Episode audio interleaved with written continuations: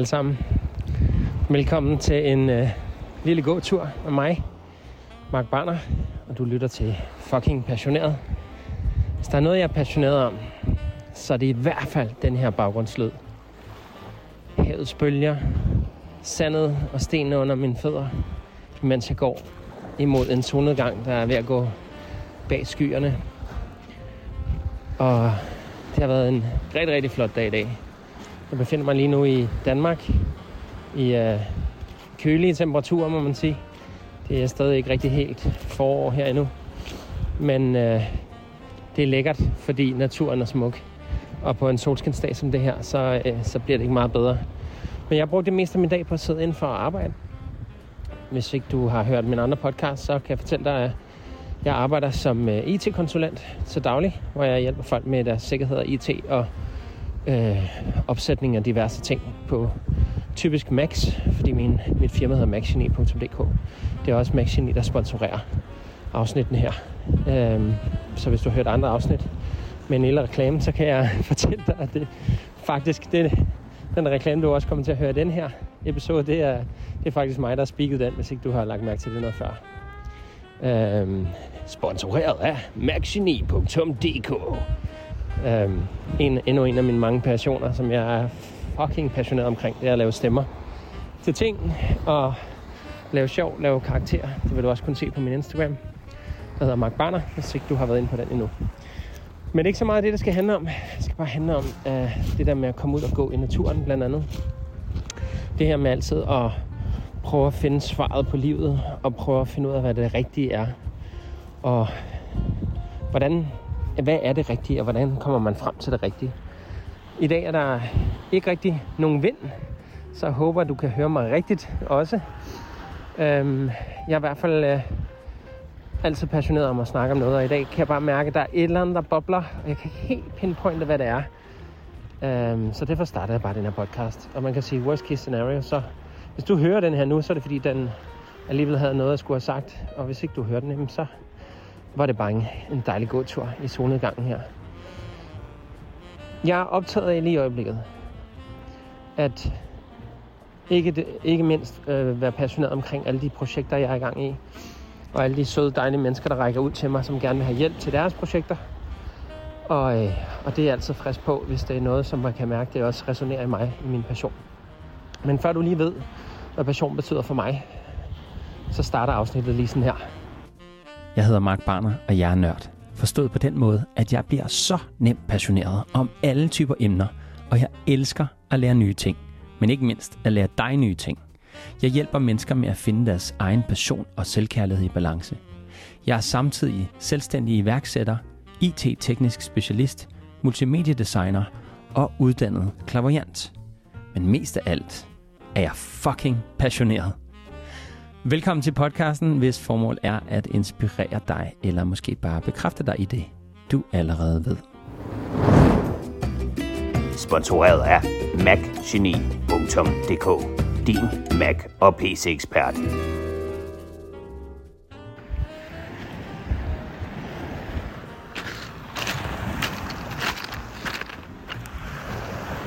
Velkommen tilbage igen her. Ja, mange af de ting, jeg er passioneret omkring, det kan du høre i de her podcaster. Jeg har en lang liste om, hvad de forskellige ting er.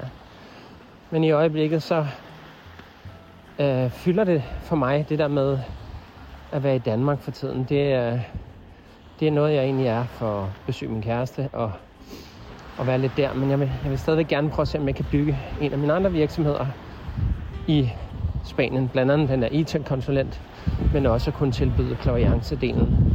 For jeg kan mærke, at der er et behov for det.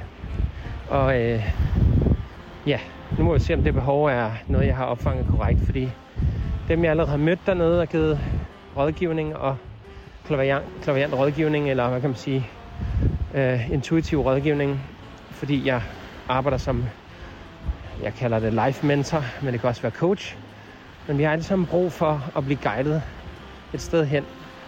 Og øh, jeg kan mærke, det svært for mig at finde energien til det, når jeg er i Danmark. Det er ikke fordi, at det som sådan koster mig noget, men der er noget, der stagnerer i Danmark lige nu for mig at mærke. Så derfor så kan jeg bedre arbejde måske de steder, hvor det er ment til, at jeg skal arbejde. Så jeg går meget med min intuition det meste af tiden. Øh, men jeg slår også mig selv om i hovedet, og det er sådan lidt, nok også det, det kommer til at handle lidt om i dag. At, øh, at vi hele tiden alle sammen leder efter svaret på livet, og hvor vi nu skal hen, og vi lever lidt i fremtiden. Og prøver hele tiden at tilpasse os til at se, hvad er det næste nye, jeg skal involvere mig i, og vi prøver hele tiden at passe butikken. Men nogle gange så er vi så travlt med at passe butikken, at, ja, at vi, vi lidt mister fokus på, hvad det egentlig hele handler om. Og det handler om for mig om i hvert fald at udleve en eller anden form for life purpose, som der bliver talt så meget om. Og jeg tror ikke på, at det er noget, som man kan finde, hvis man leder længe nok. Jeg tror, det er noget, man finder, når man tør at træde tæt nok på sig selv. Altså at give slip på alle de her reformer og måder at tænke på, og måder at være og kopiere hinanden fra Instagram og Facebook og sociale medier generelt. Jeg tror ikke, det er der, at du bliver lykkelig ved at kopiere alle andre. Og det samme gælder også med min podcast. Det, det kan være svært nogle gange at tænke i et format, som ikke allerede er lavet, uden at skulle lyde som en eller anden, jeg også har hørt, som jeg også synes var dygtig, som jeg også synes havde en pointe. Og det er tit, jeg fanger mig selv i. Næsten 80% af det, jeg deler på Instagram, som jeg går meget op i, fordi det, er, det handler om healing, det handler om sundhed, det handler om øh, at blive en bedre version af sig selv og få viden. Fordi viden i det hele taget er altafgørende for, hvad vi gør her i livet. De beslutninger, vi træffer, og ja, hvordan vi trives i livet i det hele taget. Hvis du har viden til det, så ved du præcis, hvad du skal spise, og hvad der er en dårlig idé at spise meget af. Jeg synes jo på mange måder, man skal prøve det meste i livet, for det er derfor, vi er her. Så vi kan opleve nogle følelser og nogle øh, perspektiver på, hvordan det er at være et andet sted, eller det samme sted, eller spise anderledes, eller træne meget, træne lidt, øh, være doven, være overfrisk, være energisk. Alle de her ting, synes jeg er en, en meget, meget stor del af det her at være menneske. Og øh, ved ikke at udforske dem, og ikke at være... Nu er jeg også meget eventyrligt anlagt. Ikke fordi jeg er den store folke, øh, jeg ved det, verden, verdensomrejsende, men jeg er alligevel meget passioneret om at rejse og opleve verden, og det er, det er helt klart noget for at søge væk fra min tryghed. Og det leder mig også til netop at sige, at det handler om at være lidt en eventyr i sit liv, fordi at det vi aller, aller, aller helst vil, det er at finde trygheden hele tiden. Vi finder trygheden i det mad, vi spiser. Mange mennesker har det med at spise det samme, som de plejer. Gå på de samme restauranter, som de plejer. Der, hvor man ved det godt, fordi hvorfor våge noget som helst være gå ud og bruge sine penge på noget, man ikke er sikker på er godt. Øh, de elsker at komme samme sted hen, fordi det er dejligt trygt, det er hyggeligt, man ved, hvad man får. Man ved, hvad man skal glæde sig til. Alle de her ting. Jeg tror bare ikke på, at man opnår særlig meget i livet ved at blive det samme sted. Og hvis du overhovedet lytter til den her podcast, så tror jeg, at du selv er et sted, hvor at du leder efter en eller anden form for sandhed. Du leder efter en eller anden form for forståelse for, hvad det er, der sker omkring. Eller så er du bare nysgerrig, og det er, jo, det er jo ligesom det, det handler om for mig. Nysgerrighed. Er der en bedre restaurant nede ad gaden fra den, vi plejer at spise på, som er 10 gange bedre til den halve pris? Du vil ikke ane det, hvis du altid gjorde det, du plejer. Hvis du hele dit liv har tænkt på, ligesom jeg gjorde, hvorfor jeg ikke rejste mere, og hver gang fandt på en undskyldning for ikke at gøre det, så vil du også finde ud af, at ved at rejse, så finder man ud af, at man kommer først ud af sin comfort zone, og når man har været et sted længe nok, så er man så, om man ikke finder alle de ting, der gør en tryg. Så tryghed, det er noget, man finder i andre ting ved at, hvad kan man sige, projicere eller give det energi, eller fokusere på det og sige, ej, det her det er dejligt, det, det, var, det smager godt, og det vil jeg gerne tilbage til. Og det er også vigtigt, at man kommer tilbage til det. Tryghed er dejligt. Jeg er nemlig et sted lige nu, hvor tryghed netop lyder sådan her.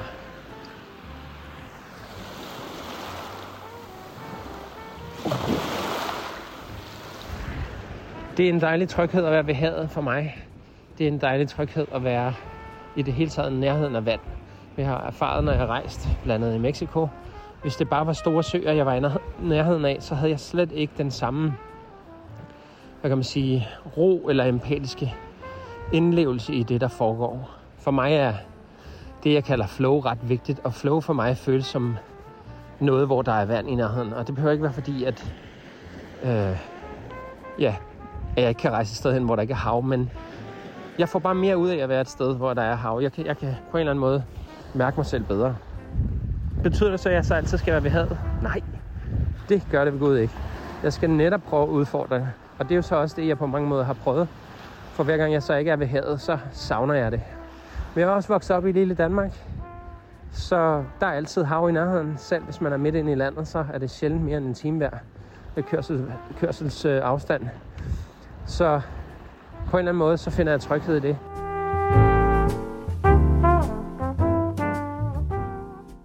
Men det er jo alt sammen projiceringer. Det er noget, jeg gør at være et sted, hvor man er vant til, og hvor man kan lide den energi, der er i det. Om det er energien i maden, eller de mennesker, man er sammen med.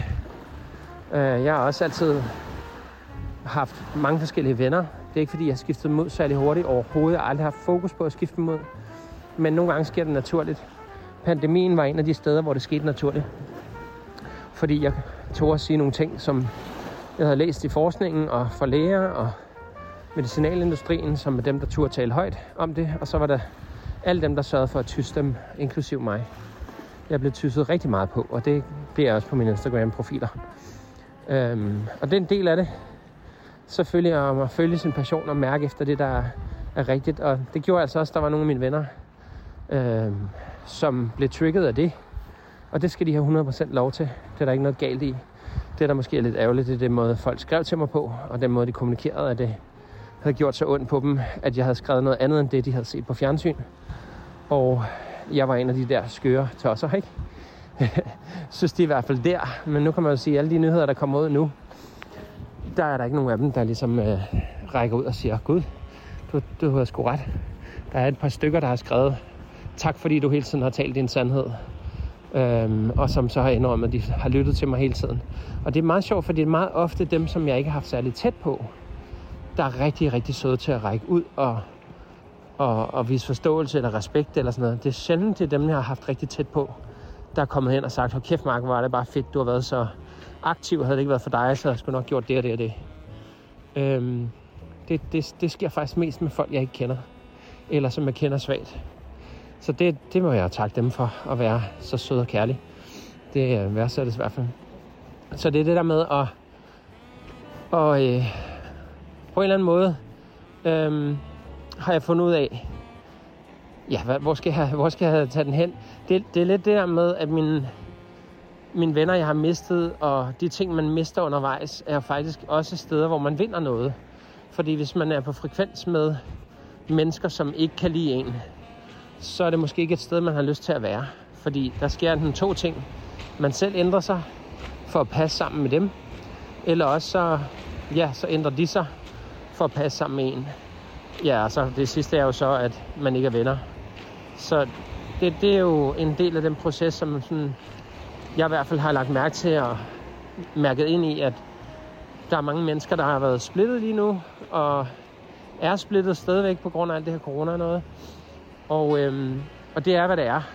Men i sidste ende, så søger vi trygheden i mange af de venskaber, og tror, fordi de er væk, så er der ikke den samme form for tryghed. Og det, det er sjovt, sjovt som vi, vi ved, det der ordsprog, forandring fryder. Vi kender det udmærket, men det er som om alligevel, så ja, respekterer vi det ikke rigtigt.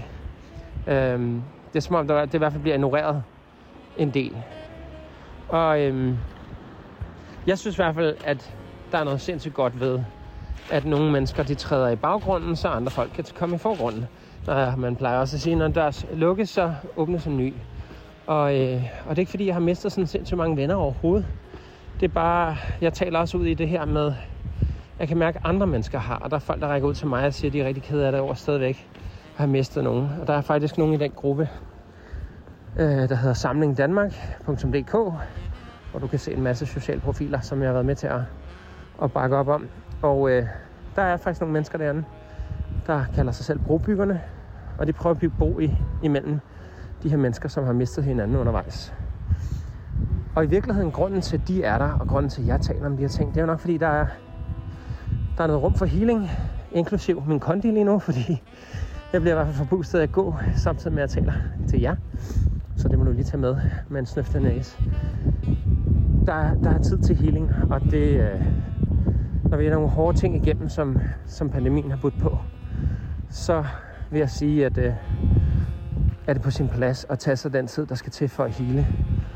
Og jeg ved, der er mange mennesker, der har følt sig trigget eller trigget af andre mennesker undervejs. Det kan være på hver sin side af hegnet, eller hvad man skal sige. Men jeg synes, det vigtigste er at tænke på, at vi alle sammen er mennesker, og mennesker begår fejl. Det værste, jeg ved, det er faktisk bare mennesker, der begår fejl, som aldrig indrømmer det. Det er, det er lidt sådan, jeg har det med mange politikere. Der er ikke meget sandhed, der kommer over deres læber. Og når øh, de endelig bliver taget i, at det var en løgn, så er det sjældent, at det er en reel undskyldning, eller at der rent faktisk er en, en sand konsekvens. Imens alle os dødelige borgere render rundt og er fuldt klar over, at hvis vi gør et eller andet, så er der ret voldsomme konsekvenser.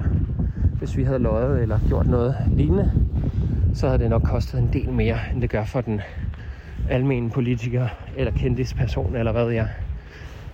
Så lige så meget som jeg synes, der er rum til healing, og det er på sin plads på en eller anden måde at, at lægge mærke til, at der er nogle energier lige nu, der, der tilbyder, at man, man kan få lov til at hele sig selv, hvis man tør at lave arbejdet. Men der er altså ikke noget, der ændrer sig. Hverken med din tryghed, eller med din sorg, eller PTSD, som du sikkert, som jeg har nærmest har fået under pandemien. Alle de ting, vi skulle stå op imod. Især for den gruppe af os, som har stået imod det. Og arbejdet for at blive den frihed, vi er født med. Jamen så kan det altså være nemt at mærke den her følelse af PTSD, og at der ligesom mangler at lande noget, noget finde noget ro. Altså det er ligesom at have været igennem nogle ret hårde traumer, og så er der aldrig nogensinde nogen, der har sagt undskyld, og alle folk har nærmest bare glemt, det lige er sket. Fordi vi ignorerer det bare og bevæger os videre.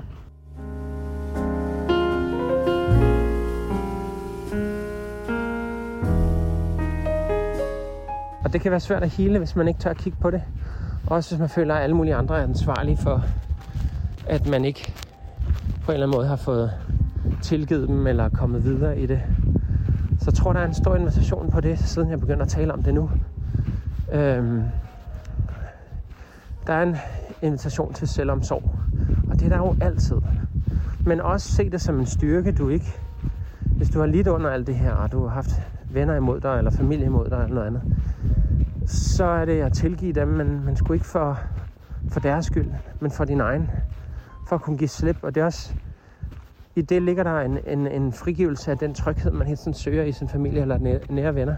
Som er det der med, at det er jo mine venner, og vi plejer jo, og så har vi alle mulige historier, vi putter på. Og de historier på en eller anden måde validerer det, vi tror på. Så når vi bliver med at fortælle de historier, også til andre, for ligesom at ligesom forklare, hvorfor vi ikke er venner mere øh, med dem, som vi holder kær, jamen så gør vi bare den historie endnu mere sand, så vi gør os selv til et offer. Derfor er det så vigtigt i den her tid at forstå, hvordan vi taler, hvordan vi agerer, og så vide, at vi søger trygheden. Og det er helt okay at søge trygheden, skal jeg lige huske at understrege, selvom jeg taler meget imod. Tryghed måske i det lange løb ikke er sundt på den måde. Det er sundt for dit nervesystem, men når du har modet, når du har alle andre ting til at gøre noget ved det, så er det vigtigt, at, at du tør at sætte det ene ben foran det andet og gøre noget, som du ikke plejer at gøre. Fordi der vokser du allermest. Og den måde, vi bedst kan være der for os selv og andre, det er ved at blive ved med at vokse igennem livet.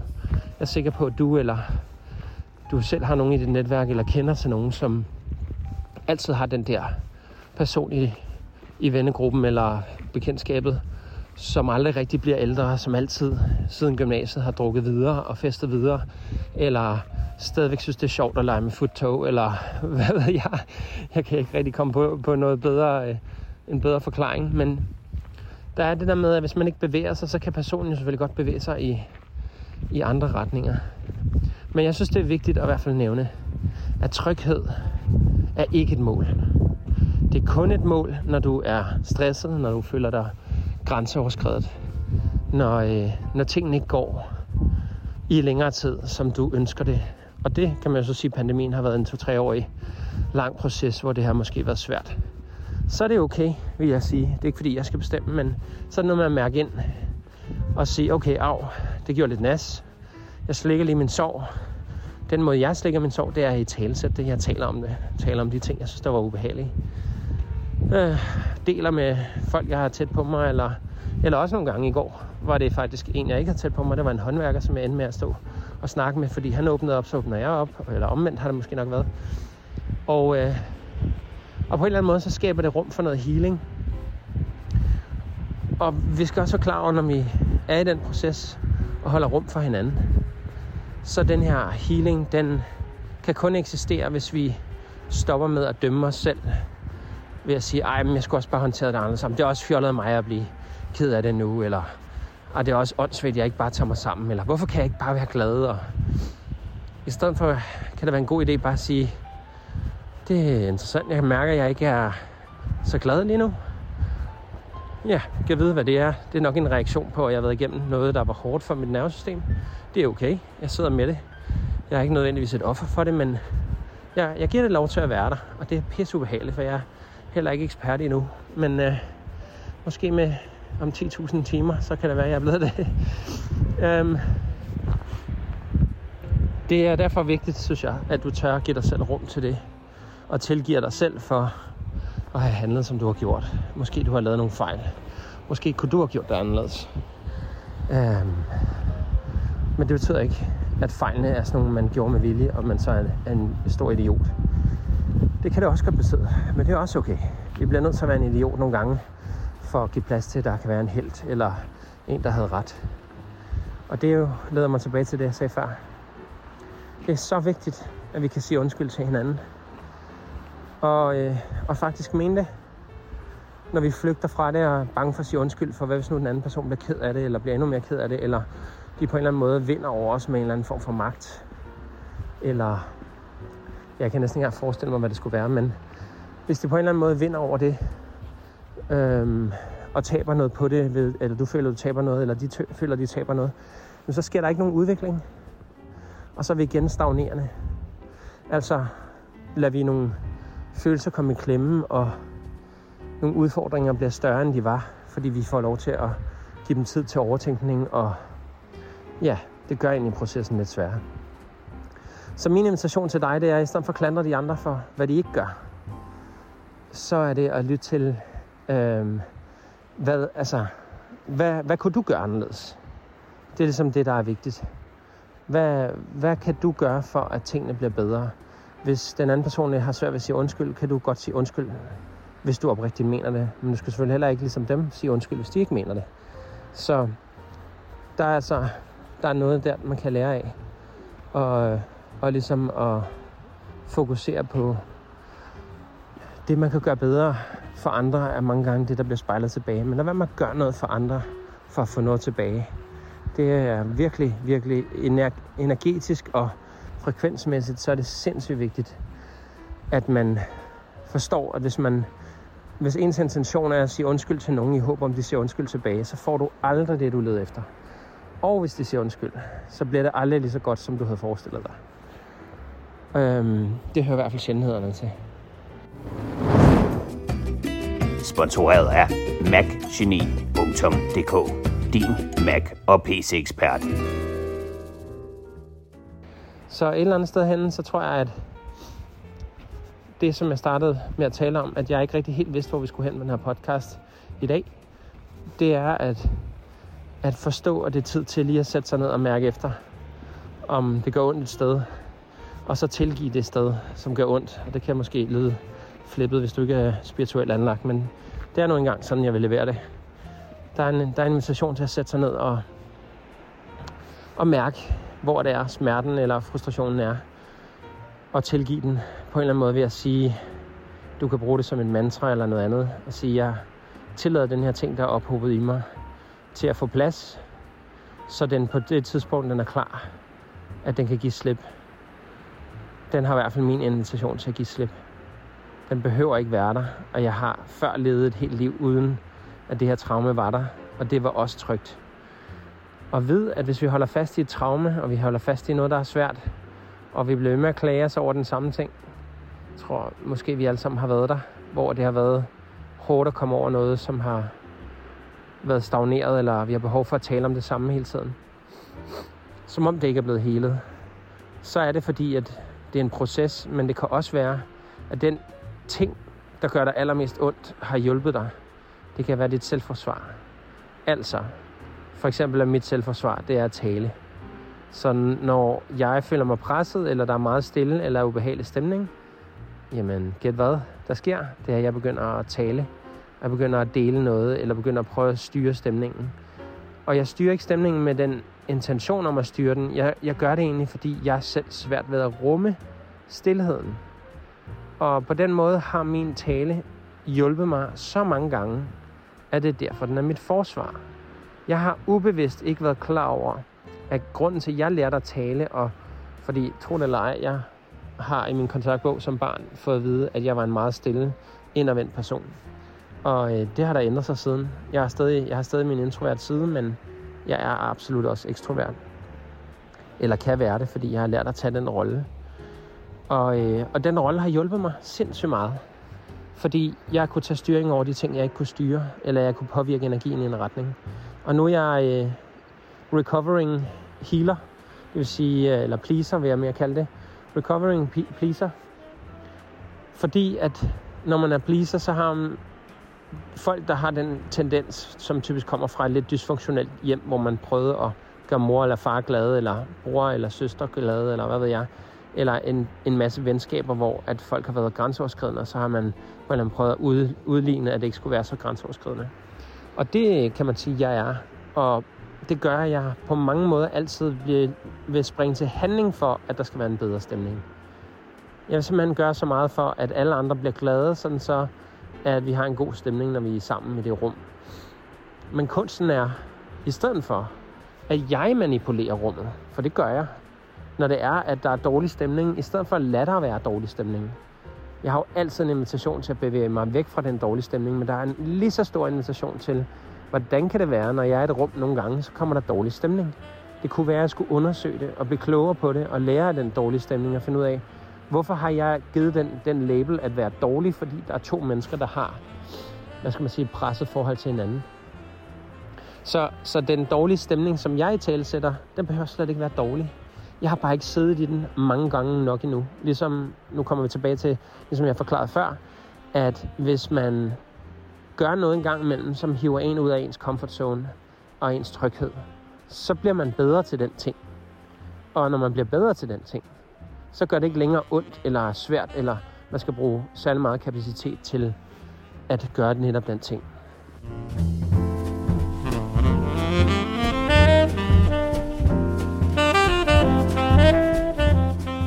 Du kan tænke på, hvordan kan det egentlig være, du ved, hvordan du sætter det ene ben for det andet, når du skal gå.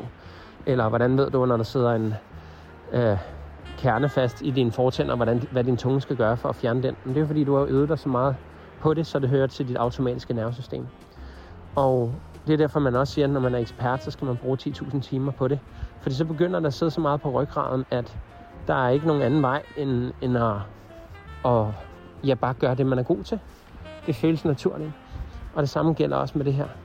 Altså, at man tør at sætte sig ned og give de der mærkelige, øh, i gåsøjne, dårlige følelser lidt plads og finde ud af, hvad er det egentlig for en størrelse? Hvad er det egentlig, de Hvorfor er det der, de der ubehagelige stemninger? Hvad kan man gøre ved det? Og jeg er så trigget af det selv, at bare der er en, hvad ved jeg, alkoholisk type, som øh, kommer og vil have, give mig hans livshistorie, så kan jeg blive helt utryg. Og det kan være, at deres intention kun er én ting. Enten at snakke med nogen, fordi de er ensomme, eller også er det for at få to kroner når, til en kop kaffe til sidst, eller hvad ved jeg. Men det kan give mig simpelthen så stor utryghed, fordi jeg har en historie med sådan nogle mennesker, som gør, at jeg ikke føler, at jeg kan stole på dem, og jeg føler, øh, jeg føler mig sådan klemt ind i et hjørne, når de kommer over og taler til mig. Og det, øh, det er også okay. Det kan jeg sagtens, kan man sige, arbejde med at komme over. Men det gør jeg kun ved at, at prøve at stå og tale med sådan en øh, alkoholisk person, som måske ikke helt snøvler lidt og ikke kan holde balancen eller et eller andet, som viser mig, at han eller hun ikke rigtig har styr på sig selv og ikke er i balance. Og så har man, kan man så sige, samtidig med det, så er jeg jo også intuitiv, så det vil sige, at jeg mærker jo ikke bare det, de siger. Jeg mærker også dem, og der kan være så meget ubehagelig sorg. Og som jeg lige fortalte, har talt dig og delt med dig i håb om, du kan spejle dig i de ting, jeg siger. Jamen, øh, så ligger der jo en invitation i, at når de står over for mig, så spejler de også mig. Altså, det vil sige, de følelser, de har inde i sig, dem kan jeg så åbenbart ikke rumme. Så derfor, og det er heller ikke mit job at rumme, faktisk slet ikke mit job at være over i dem og mærke Det kan være lidt udfordrende for mig at lukke ned for, men det kan jeg sagtens. Øhm, så derfor kan den udfordring faktisk gøre, at jeg kunne øve mig på det. Så næste gang, at jeg møder en sådan person i en, i en sådan situation, så kunne jeg spørge mig selv, ah, det var da interessant, at det her kommer op, som om det er noget, der er en invitation til hele. Man kan sige, hvis det er noget, der aldrig dukker op i dig, at de, de traumer, du har, der er ikke noget, der ligner det, der er ikke noget, der har været der siden, så kan det være, at du har dealet med de traumer, eller at de traumer gemmer sig bag tre andre traumer. Så dit hovedtraume er ligesom kernen af løjet, og de andre traumer som handlinger eller noget, du gør. For eksempel at, jeg kan ikke lide at køre i trafikken eller et eller andet. Det kan være et lille traume, som egentlig refererer til, at du er bange for ikke at have kontrol. Og det, frygten for ikke at have kontrol kan være det nummer to, ikke? Og så nummer tre lag kan så være, at øh, du har lært fra barnen om, at når du ikke er i kontrol, så får du bank, eller skæld ud, eller øh, der er nogen, der snyder dig, eller griner af dig, eller sådan noget. Og der, der kan simpelthen ligge et sidste traume bag alt det, som gør, at du har en uhensigtsmæssig adfærd. Men den starter, når, når, når, du, ikke, når du kører bil og ikke er i kontrol, for eksempel. Så det var bare for at snakke ud af en masse eksempler her. en lille rant. Men formålet med det er jo ligesom at sige, at der er en invitation til at hele. Og invitationen går kun ud på det, at du kan ikke hele, hvis du hele tiden er i fortiden. Du kan ikke hele, hvis du hele tiden er i fremtiden. Hvis du hele tiden er bange for at begå en fejl, kan du heller ikke hele. Du kan det hele taget ikke hele, hvis du er bange.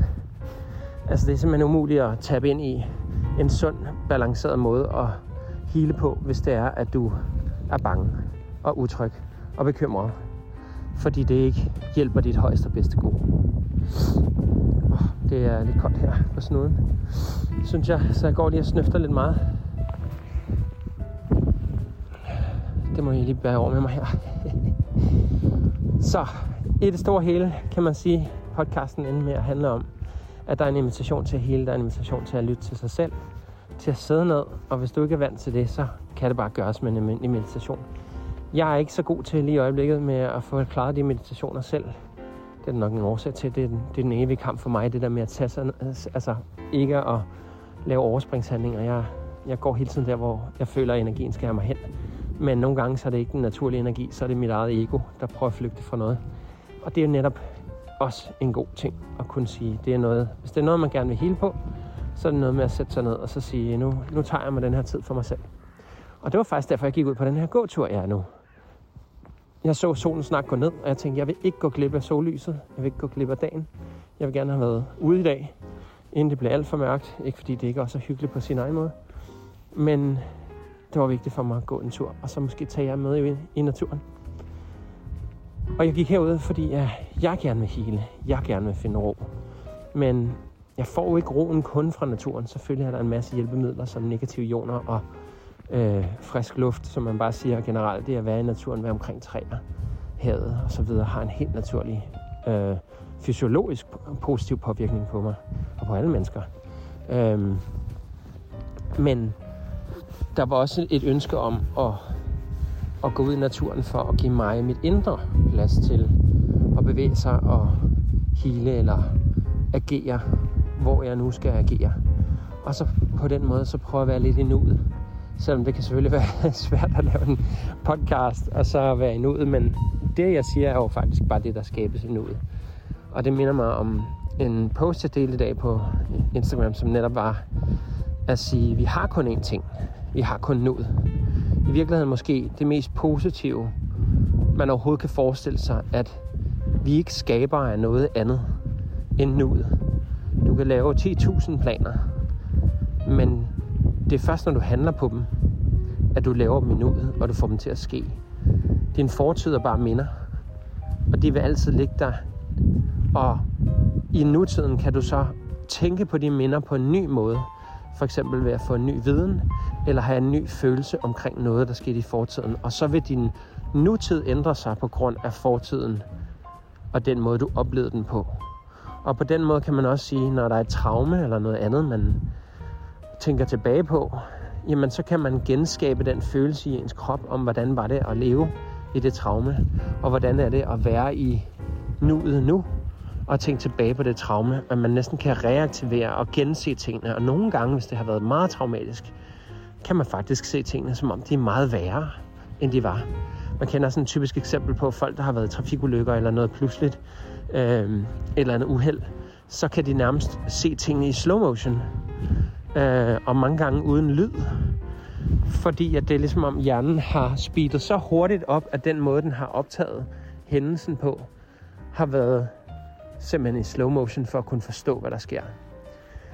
Og, øh, og det er værd at tage med sig og vide, at, at hvis man oplever sådan nogle ting, så kan man faktisk omtænke de historier, der er sket mod en, kan man sige, det skete med en. Altså, alle traumer, vi møder, det kan man sige, det, er ligesom, det burde være et kapitel i sig selv at tale i en podcast. Men alle de ting, du oplever som negativ eller dårlig, som jeg talte om før, er jo det, der får dig til på din rejse at mærke, at hvis du stikker fingrene i lyset, så finder du ud af, at det er varmt. Det gør nok, at du ikke igen stikker fingrene i lyset, eller også næste gang du gør det, så er den kortere tid derinde, og så finder du ud af, at man kan faktisk godt lege med ilden, men man kan risikere at brænde sig. Men gør man det nok, så kan du ja, være fakir eller noget andet, fordi så ved du, hvordan ild fungerer, og du ved, hvordan du kan bruge det, og du ved, hvordan du kan arbejde med ild. Og på den måde er det det som med alle mulige andre. Ilden første gang kan være et traume, men når vi kigger på det traume, og vi arbejder med det, og vi tror, arbejde kan lyde så negativt, men, men når vi kigger på det og er modige nok til at sige, det her har jeg gennemlevet, det her det er en del af mig, en del af min erfaring på kloden, på jorden, i mit liv, så kan jeg omvikle det her til, eller udvikle det, i stedet for det indviklede traume, så kan man udvikle traumet til at forstå, wow, jeg kan udvikle mig på baggrund af det her.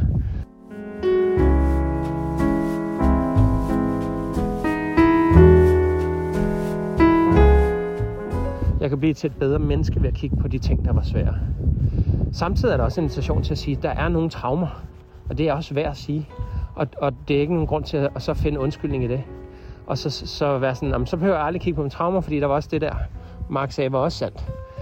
Men der er traumer, der ikke er værd at kigge på igen og igen.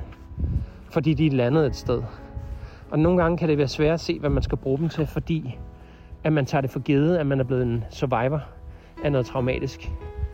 Men dem, som har tilgivet det og forstået sin trauma, og typisk, også selvom de stadig kan gøre ondt, det er dem, der forstår, at trauma er det, der bygger os op. Og det er også det, der river os ned. Begge dele er smukt. Det er en smuk ting at blive reddet ned. Det er en smuk ting at blive bygget op. En, et efterår kan være flot, lige så vel som, som en sommer kan. Om efteråret, så falder bladene af træerne. Om sommeren eller foråret, så spiger de. Og midt på året, eller midt i sommeren, er alting smukt, fordi der er alt frodigt, mens det i virkeligheden langsomt er ved at forgå. Det hele er en smuk proces, og hvad sker der næste år? Det samme med sandt. Tingene springer ud og forfalder igen. Altså det samme kan vi se i traumer som, at det er en oplevelse på vores vej, der kan gøre os stærkere. Så jeg håber, at øh, alt det her, jeg siger, kan give mening for dig på en eller anden måde, mens du lytter. Fordi ligesom så meget andet, så bevæger jeg mig meget i, hvor jeg føler, der er energi eller minder om noget, jeg skal tale om. Og øh, det føles sammenhængende, men øh, det er ikke sikkert, det er det. Men jeg håber, du kan tage det med, som du kan bruge for det i hvert fald. Jeg er i hvert fald sindssygt taknemmelig for, at du gad at komme med mig ud på en lille gåtur, der handler om, at der er en invitation til at hele, og at øh, traumer er ikke farlige, hvis man bare tør at kigge på dem. Øh, det gør ondt, ja, men smerte er ikke nødvendigvis en dårlig ting. Det kan mange gange være det, der gør os til dem, vi er. På alt godt, og også på ondt nogle gange. Og vide, at nogle gange skal vi have mennesker omkring os, der skal nedbryde os, og som er vores provokation eller irritation. Eller jeg har min, min far, som jeg tit projicerer en masse læring over på, fordi at han lærte mig en masse ting om, hvem jeg ikke vil være. Og øh, ved, at han var det. Men det kan også gøre, at jeg har set mig sort på nogle ting, han gjorde, som var godt. Så nogle gange, når jeg kan mærke, at jeg ligner ham, så tænker jeg, åh nej, det er jo en dårlig ting, fordi han havde jo nogle dårlige sider. Og det, det kan være rigtigt, men det kan også være usandt at sige, at så hele ham et dårligt menneske, hele ham er en dårlig oplevelse. Nej, det var faktisk alt sammen gaver. Nogle af dem fortjente jeg måske ikke i min egen optik, men der var en grund til, at de var der. Og det, de historier, jeg fortæller mig selv om, hvor forfærdeligt det var, det bliver kun stærkere af, at jeg genfortæller den historie. Det bliver kun stærkere af, at jeg bliver ved med at give det samme mere energi. Så jeg har valgt at fokusere på, og det håber jeg også, du vil, kig på dine traumer, og så finde ud af, hvad du fik ud af dem. Hvad vandt du på at have dem? Og hvad vinder du på ved stadigvæk at beskæftige dig med dem? Og så i stedet for at være fokuseret på det negative og det ubehagelige, du har oplevet, så prøv at se på alt det, du har vundet. Hvis det er svært at overskue, så kunne det være, at du skulle sætte dig ned og lige lave en liste over alle de ting, du har vundet på en situation. Prøv at se, om du kan skære dig ned til en situation, eller et menneske, eller en, ja, en person, eller en hændelse, eller, eller også bare dit liv. Hvad har du lært? Det er godt at lave status en gang imellem. Bare lige for at huske sig selv på, at det går sgu meget godt i, i egen have, ikke? Altså, det går meget godt af det, du har klaret for dig selv. Det er dig, der har klaret det. Det er dig, der lever det her liv, og det er dig, der er nået lige nu og hører, til den her, hører på den her podcast. Så at du, alene det, du er til stede lige nu, og bare tænke sig, hvad det har krævet for, at du overhovedet kunne komme ind i eksistens, for du kunne sidde her og finde ud af, hvilke traumer du kunne bruge, og hvilke du ikke ønsker at kigge på. At du skulle bare vide, hvor mange organismer, der er døde, for at du kunne eksistere.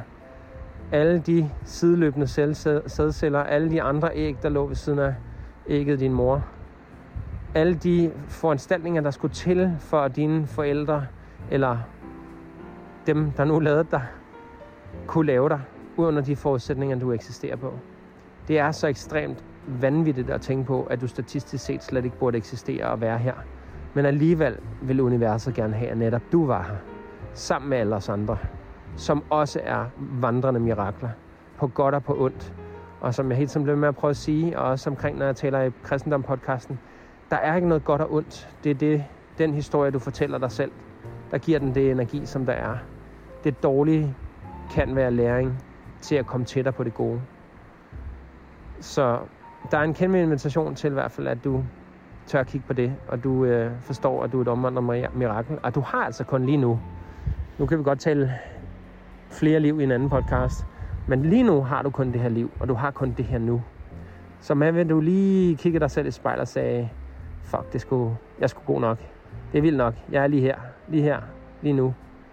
Og jeg skal nok klare den, for jeg er nået så langt, som jeg er nået lige nu. Og det leder mig til det aller sidste. Husk, at al din succes kommer ikke fra det, der er uden fra dig. Ude for din krop. Det kommer fra det, der er inde i din krop. Det kommer fra de følelsesregister og de ting, som du oplever verden igennem, som er din, dit nervesystem og din sjæl. Så når du ved det, så ved at igen, det er din oplevelse det her, det, det er dit liv, og du er nået så langt, fordi du har gjort det, du har gjort. Men der er altid en invitation til at søge ind af, hvor tingene føles lidt mere rolige. Og hvis det føles uroligt at være alene, så øv dig på det noget mere. Ligesom alt det andet, jeg har snakket om i dag. Det var alt, hvad jeg havde til dig nu. Jeg er helt sikker på, at jeg kunne snakke videre og komme på flere ting, som jeg synes, der skal siges. Men jeg takker igen for din tid, og så taknemmelig for, at du gider at lytte med. Og hvis du tror, at der er nogen, du kender, eller ved, der er nogen, du kender i dit netværk, som måske kunne have brug for den her podcast, så i stedet for at sige, måske skal jeg sende den til dem, bare send den. Fordi hvis der er en invitation de skal, til, at de skal høre den og skal lære noget af den, jamen så har de også hørt det, jeg har sagt lige nu. Og de vil måske netop gøre det samme til den næste. Det koster ikke noget, og jeg får ikke nogen penge ud af det alligevel. Du får ikke nødvendigvis nogen penge ud af det alligevel. Og på den måde, så kan vi hjælpe verden til at være et bedre sted til bare at forstå, hvordan vi selv er. Og hvis ikke det virkede, de ting, jeg sagde, jamen så er det meget godt, at du i hvert fald fundet ud af, hvad der ikke virkede, så du kan træde tættere på det, der virkede. Endnu en gang tak for dig, og vi høres ved i den næste podcast. Jeg hedder Mark Barner, og du lyttede til God tur i naturen og fucking passioneret. Vi ses.